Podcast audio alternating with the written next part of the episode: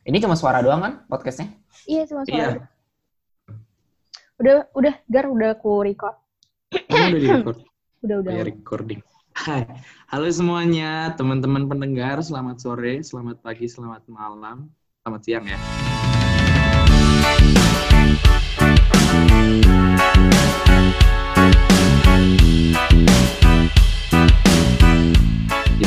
Masuk ke episode ketiga, alhamdulillah untuk em, podcast Karimun Jawa kali ini. Uh, sekarang alhamdulillah saya nggak nge-host sendirian ya, biasanya sendirian. Sekarang ada Fahira. Halo, Halo Fahira. teman-teman, balik lagi sama aku. Kemarin Fahira aku tergolong- episode 2. Tapi kita nggak berdua doang ya, Gar di sini, Gar. Enggak dong, kita Karena nggak kita berdua. Kita ada narasumber baru. Yes, tamu spesial. Siapa tuh? Tamu Gar? sangat spesial. Ini ada Mas. Baskoro. Silakan Mas Baskoro bisa perkenalan terlebih dahulu mungkin. Tingkat. Halo, halo, halo. Senang banget nih bisa diundang ke podcast akhirnya. Pertama kali nge-podcast, langsung diundang sama KKN UGM. Keren banget. Oh iya, Iya, mantap. kenapa kita eh, manggil Baskoro saat ini? Soalnya sebelumnya Baskoro ini adalah tim KKN Karimun Jawa tahun 2019. Boleh perkenalan diri secara singkat dulu mungkin? Iya, jadi benar yang di- eh, dibilang Fahira. Aku eh, dulu eh, tim KKN UGM tahun 2019 yang lokasinya juga sama di Karimun Jawa. Kebetulan itu juga eh, bisa dikatakan eh, pertama kali lagi KKN UGM ada di Karimun Jawa setelah kalau nggak salah sekitar lima tahun. Wow. Terus eh, aku sekarang kemarin kuliah di UGM di Fakultas Teknologi Pertanian, jurusannya Teknologi Pangan dan Hasil Pertanian. Terus baru aja kemarin eh, minggu lalu yudisium dan sekarang lagi menunggu untuk wisuda. Widih, Keren alhamdulillah, mantap, mantap. Dulu posisinya sebagai kormanit ya kalau nggak salah ya? Iya, Kormanit. Ini teman-teman pendengarnya pada tahu nggak sih Kormanit tuh eh, kepanjangannya apa gitu? Boleh sekalian, kormanit tuh, ini eh, boleh lah langsung lanjut dikasih Oh iya iya. Iya jadi eh, disclaimer nih, jadi kalau Kormani, jadi di KKN UGM itu banyak ada beberapa singkatan-singkatan gitu. Nah, salah satunya itu adalah Kormanit. Nah. Kormanit itu ya eh, kepanjangan dari koordinator mahasiswa unit. Jadi ya eh, sebenarnya sama aja sama kayak istilahnya kalau dalam sebuah acara itu ketua-ketuanya lah gitu. iya benar, benar banget, benar banget. Ngerasain banget sih Mas, em, eh, Bas, tekanan yang terasa gitu loh. Jadi korman itu emang kelihatan dari teman-teman saya beratnya kayak gimana, tapi ya alhamdulillah bisa bisa sarjanya jadi sarjanya cepet banget ya sampai sekarang ya. Jadi bulan ke Agustus eh Juli udah udah Kayaknya lulus. saya salah grup nggak sih? Ini harusnya grup-grup Kormanit ya. Iya. Anda pergi. Ya mungkin kita abis ini bisa Iya. ngobrol lebih lanjut lah ya, curhat-curhat. Tapi mungkin beda Aduh. sih, karena kan sekarang eh, KKN-nya online ya, karena lagi Oh iya, pandemi ini. Bener. Pasti eh, pengalamannya beda lah sama yang dirasain sama aku dulu lah. Iya, Iya, pasti. makanya itu kita bakal Heeh. mengundang dan mengharapkan Kak Baskoro untuk cerita-cerita gitu karena kita tidak Tapi ceritanya pasti bakal lebih menarik di saat Iya. jadi kormanit offline kayaknya. Kormanit offline. Kormanit Iya, online iya. cuma nyuruh meeting.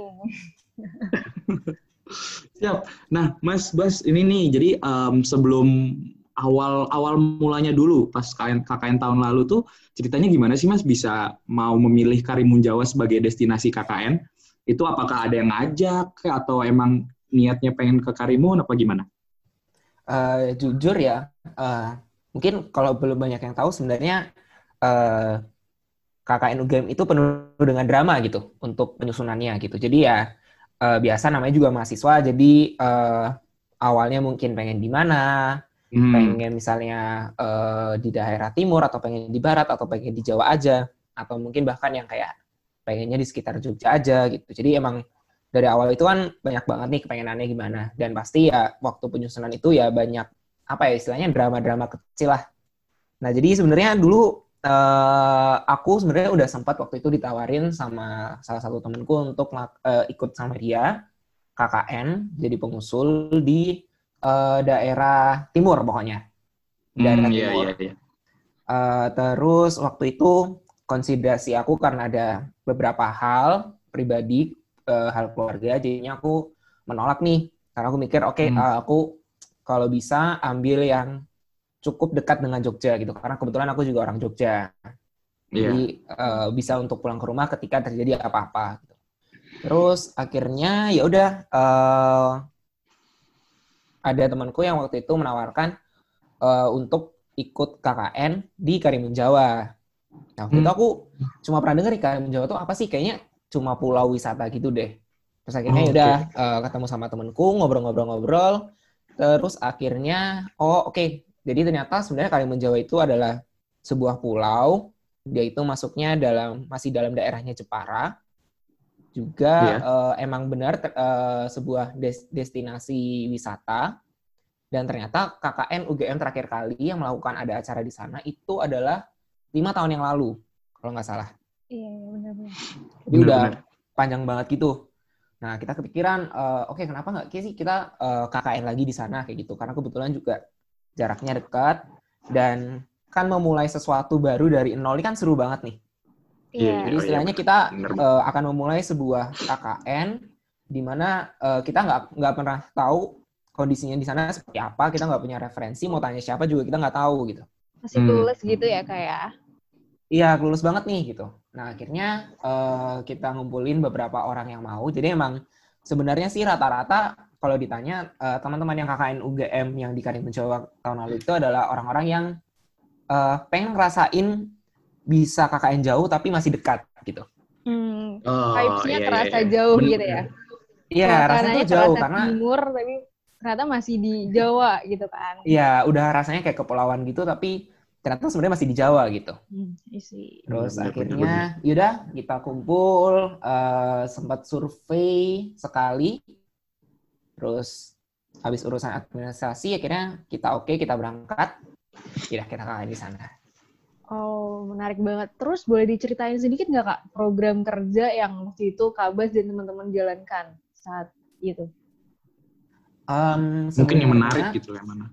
Yang menarik ya, sebenarnya hmm. uh, salah satu program yang menurut aku dan teman-teman juga uh, paling sukses dan paling mungkin mengenang buat warganya itu. Jadi uh, jadi gini, sebelum aku cerita dulu, jadi sebenarnya Karimun Jawa ini tuh terdiri dari kalau nggak salah sekitar empat pulau, empat pulau besar, empat pulau utama. Hmm. Yang berpenghuni. Nah, yang berpenghuni. Nah, kita kebetulan ada di pulau istilahnya mungkin kita bisa bilang pulau pusat pusat perdesaannya. Dan di situ pulau emang pulau terbesar, uh, kapal pelabuhan uh, untuk penyeberangan juga turun di situ. Dan di, di pulaunya itu, Pulau Karimun Jawa itu ada dua desa. Jadi desa Karimun Jawa dan juga ada desa Kemujan. Nah, dari situ uh, kita beroperasinya tuh di antara dua desa itu. Nah, waktu itu kita uh, biasa kan kita harus menyusun program yang bisa uh, diharapkan membangun dan memberikan sesuatu gitu untuk masyarakatnya. Nah, hmm. akhirnya waktu itu kita kepikiran satu hal adalah uh, permasalahannya adalah kita melihat adanya kesenjangan antara masyarakat yang ada di Karimun dengan masyarakat yang ada di Desa Kemujan gitu. Padahal mereka satu pulau dan ya uh, istilahnya paling gampang untuk berinteraksi gitu dari dibandingkan dengan masyarakat-masyarakat yang ada di pulau lain gitu. Hmm. Nah, kesenjangannya itu ya kita melihat ada sedikit pergesekan-pergesekan ya antara uh, cara cara mereka ingin uh, berbudaya, cara mereka ingin bersosialisasi, hmm. merasa terutama mungkin uh, ada kecemburuan sosial di mana uh, mungkin masyarakat-masyarakat yang ada di desa Kemujan itu merasa melihat merasa dan melihat bahwa Eh, teman-teman uh, mereka yang ada di desa Karimun Jawa ini terlihat lebih hidupnya lebih di atas mereka gitu. Karena hmm. juga mau nggak mau seperti itu karena emang posisinya adalah desa Karimun Jawa adalah pusat kota gitu, pusat yeah, kecamatannya. Hmm. Jadi dan pelabuhan juga turun di sana. Jadi mau nggak mau emang di situ uh, terasa lebih hidup dan terasa uh, untuk perputaran uangnya juga lebih gampang gitu. Hmm. Nah, akhirnya uh, salah satu cara yang kita uh, gunakan waktu itu adalah untuk bisa nggak sih kita bikin sebuah acara di mana itu melibatkan uh, pemuda. Jadi target kita adalah pemuda dari Desa Karimun, juga dari pemuda dari Desa Kemujan gitu. Jadi hmm. harapannya nanti ketika mereka menjadi sebuah tim, nanti uh, tim KKN UGM adalah penengah di antara mereka yang mengkoneksikan di antara mereka. Nah, hmm. nanti harapannya bisa bekerja sama dan nanti ke depannya mereka jadi punya relasi yang lebih dekat lagi daripada yang sekarang kayak gitu. Nah, hmm, akhirnya uh, dengan ide itu uh, kita ngumpulin beberapa teman-teman yang ada di pemuda-pemuda yang ada di Karimun Jawa juga yang kemudian yang masih uh, saling kenal, kita diskusi dan akhirnya kita waktu itu memutuskan untuk kenapa nggak sih kita bikin sebuah festival, festival oh, iya, kebudayaan. Iya, jadi hmm. kita mau menunjukkan, uh, oh ternyata di Karimun Jawa dan di Kemujan itu punya budaya yang cukup berbeda gitu, meskipun mereka uh, berada di dalam satu desa, ada di berada di dalam satu pulau juga. Nah akhirnya uh, udah uh, kalau nggak salah itu sekitar awal bulan Agustus yeah. itu kita ngadain festivalnya dan oh. bisa dibilang cukup rame dan uh, antusias warga sangat besar sih untuk mengikuti festival tersebut. Gitu. Oh, jadi bisa jadi kayak destinasi menarik dari turis juga gitu ya, selain mempersatukan pemuda-pemuda ini juga jadi salah satu atraksi baru gitu kan ya? Iya betul banget. Emang uh, harapannya adalah nanti uh, bisa menjadi bisa diharapannya itu di tahun-tahun berikutnya bisa dilanjutkan juga menjadi atraksi baru dan juga waktu itu oh, kita okay. sengaja memilih lokasinya itu nggak di kota. Jadi festival ini tuh nggak dilakukan di uh, kotanya, istilahnya, ya kita istilahnya kota lah ya, yang yeah. paling uh, tempat pusat keramaiannya dari si Karimun Jawa. Tapi kita memilih itu ada lokasinya di uh, tengah-tengah, di hitungannya tengah-tengah pulau gitu. Jadi harapannya juga orang-orang uh, yang turis-turis yang biasanya sama ini ada di kota juga bisa datang ke sana gitu. Jadi hmm, juga mengeksposkan diri dengan lokasi-lokasi yang lain gitu. Bener bener bener. Jadi emang emang ada kerasa gitu nggak mas? Maksudnya aku juga belum pernah ke sana kan. Personally aku belum pernah ke sana dan rencana pengen ke sana juga. Dan kan Mas Bas ini udah pernah, mungkin udah pernah, udah berkunjung ke dua tempat itu kan, Karimun Jawa dan Kemujan. Nah itu ad, emang kerasa perbedaan budaya sama benar-benar kerasa secara kental, maksudnya apa gimana Mas? Dari Kemujan dan Karimun Jawanya itu sendiri? Uh, kalau misalnya uh, secara budaya mungkin kalau bisa dibilang kemudian itu agak uh, campur ya. Uh, hmm, yeah, yeah. Orang-orang yang ada di sana lebih ke arah pendatang. Jadi kemudian oh, gitu. memang rata-rata orang-orang pendatang Siap. yang ingin menetap di daerah Karimun Jawa itu mereka menetapnya di Kemujan. Sedangkan kalau Karimun Jawa sendiri itu ya uh, sebenarnya sama lah kayak budaya Jawa gitu. Oh iya iya iya. iya. Jadi emang emang nggak nggak terlalu banyak pendatang ya untuk di Karimun Jawanya itu berarti ya? Iya, untuk pendatang yang hmm. menetap hmm. sebenarnya nggak banyak. Oh baik baik baik. Nah untuk ada nggak sih sebenarnya mas di sana di saat di saat KKN kemarin itu pengalaman atau mungkin uh, bukan kejadian ya kejadian terlalu gimana pengalaman yang seru unik ya tadi sih udah disebutkan ya festival ya. Selain iya. itu di saat gotong royong bersama warganya juga pasti ada kan ya. Itu kira-kira di saat kapan mas? atau ada pembangunan gitu, gitu ya atau aktivitas ya, yang seharian. yang nggak ada di uh. Jogja tapi di sana dilakukan gitu dari itu ter, tergolong baru untuk Kalbas. Hmm, sebenarnya untuk aktivitas masyarakatnya ya bisa dibilang sama lah dengan aktivitas masyarakat-masyarakat yang lain. Cuman mungkin bedanya karena kebanyakan dari mereka itu uh, nelayan, juga hidupnya di dekat dengan laut. Jadi emang uh, ada beberapa temanku juga itu ikut sekali dua kali untuk ikut berlayar gitu untuk malam hari. Oh gitu. Menarik, Cuman yang mungkin yang paling seru adalah uh, kegiatan nombak ikan. Nombak. Nombak. Oh, nombak, nombak ikan. Pakai, ya, jadi bambu. Kayu. Bambu. Iya, jadi malam-malam pergi terus ya udah di uh, pantainya gitu kita agak maju dikit ke tengah terus nombakin ikan bawa pulang ke pondokan.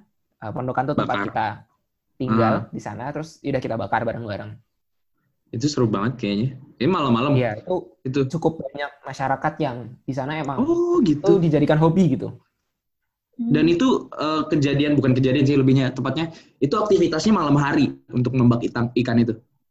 Iya malam hari. Uh, uh. biasanya kalau nggak salah berangkat sekitar jam 12 terus pulang sekitar jam 3 jam 4 oh. pagi.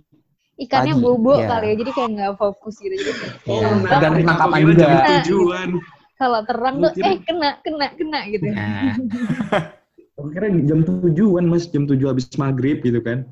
enggak malam-malam banget karena ikannya baru ada di pesisir juga airnya kan agak surut kan kalau di malam hari. Oh iya iya iya benar. Keren, keren, keren. Itu tadi pengalaman yang seru ya. Kalau misalnya pengalaman yang apa ya, yang agak yang suka duka, tadi sukanya udah ya, dukanya gimana tuh? Susah Em, sinyal.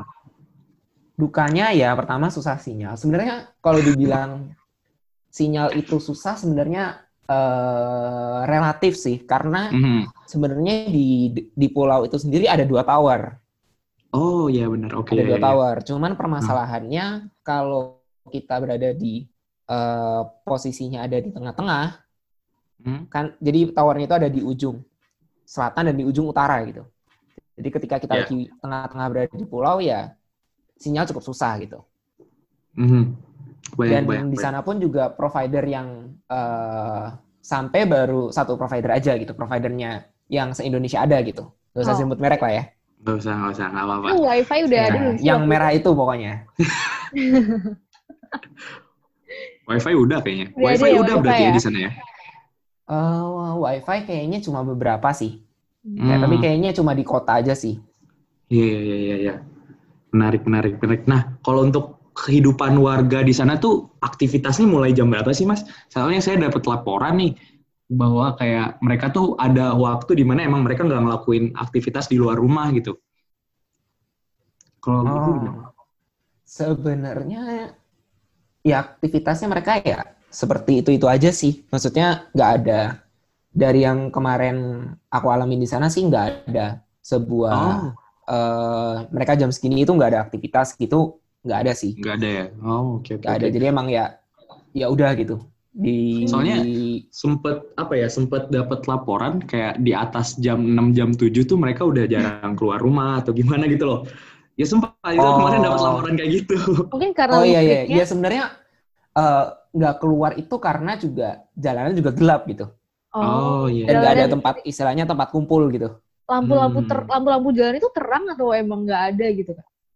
Eh, di beberapa tempat tuh ada dan ya cukup untuk kita eh, untuk melakukan perjalanan di malam hari itu ya cukup lah. Maksudnya masih ada jaraknya juga mungkin masih sekitar setiap eh, 200 meter, 300 meter. Hmm. Tapi kadang juga Iya, iya. eh, kalau kita istilahnya pindah dari satu eh, RW ke RW yang lain, nah itu mungkin ag- agak cukup gelap gitu karena nggak ada penerangannya.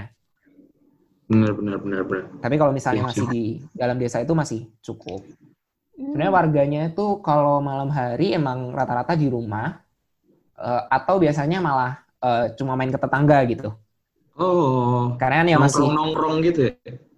Iya, karena kan emang eh, hitungannya kan pulau kecil, desanya juga rata-rata masih kecil-kecil, R- per RT, per RW juga masih kecil. Jadi eh, mereka di sana masih rasa kekeluargaannya masih kencang lah. Oh, Antara satu dengan menarik, yang lain. menarik, menarik. Iya, iya. Keren, keren, keren, keren, keren. Oke, thank you, thank you. Terus apa nih? Uh, Kak Baskoro punya harapan untuk kemajuan Karimun atau apa apalah yang ingin Kak Baskoro uh, sampaikan untuk Karimun Jawa ke depannya gitu. Untuk Karimun Jawa kan, bukan Kemujan. Untuk Karimun dan Kemujan mungkin ya. Iya, untuk Ya, Karimun Jawa. ya, desa Karimun Jawa dengan Karimun desa Jawa termasuk kemudian. Kemujan. Ya. Eh, yang ingin disampaikan adalah sebenarnya eh, masyarakat di sana dan potensi alam yang ada itu juga cukup gede gitu. Jadi sebenarnya eh, sekarang tinggal gimana caranya eh, teman-teman, terutama pemuda yang ada di sana sebagai penggerak juga bekerja sama dengan eh, orang tua-orang tua yang ada di sana yang udah eh, lebih senior daripada mereka itu bisa bekerja sama gitu. Jadi pemudanya sebagai penggerak, eh, Mhm. teman-teman yang orang tua yang udah lebih senior sebagai yang menjaga gitu, untuk menjaga nilai-nilai dan budaya yang udah selalu dibangun di Karimun Jawa gitu. Dan kemudian Menarik. harapannya nanti eh, kehidupannya juga lebih bisa mandiri dan juga eh, tidak tergantung lagi dengan daerah-daerah yang lain gitu. Karena contohnya misalnya emang eh, fakta yang menurut aku sangat Mhm. unik adalah uh, bahwa sayur istilah orang-orang di sana itu adalah sayur di Karimun Jawa itu impor dari Jepara gitu. Oh iya benar benar benar.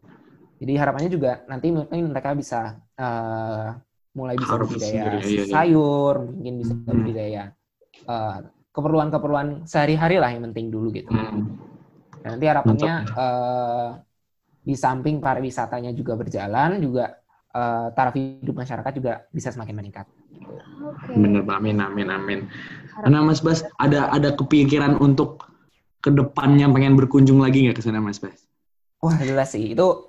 Karimun Jawa itu kalau udah di sana aja, seminggu aja, udah bikin kangen lagi.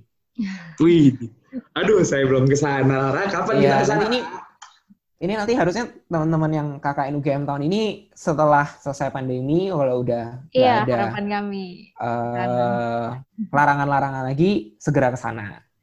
Karena dijamin emang eh, beda lah gitu. Benar, benar, suasananya.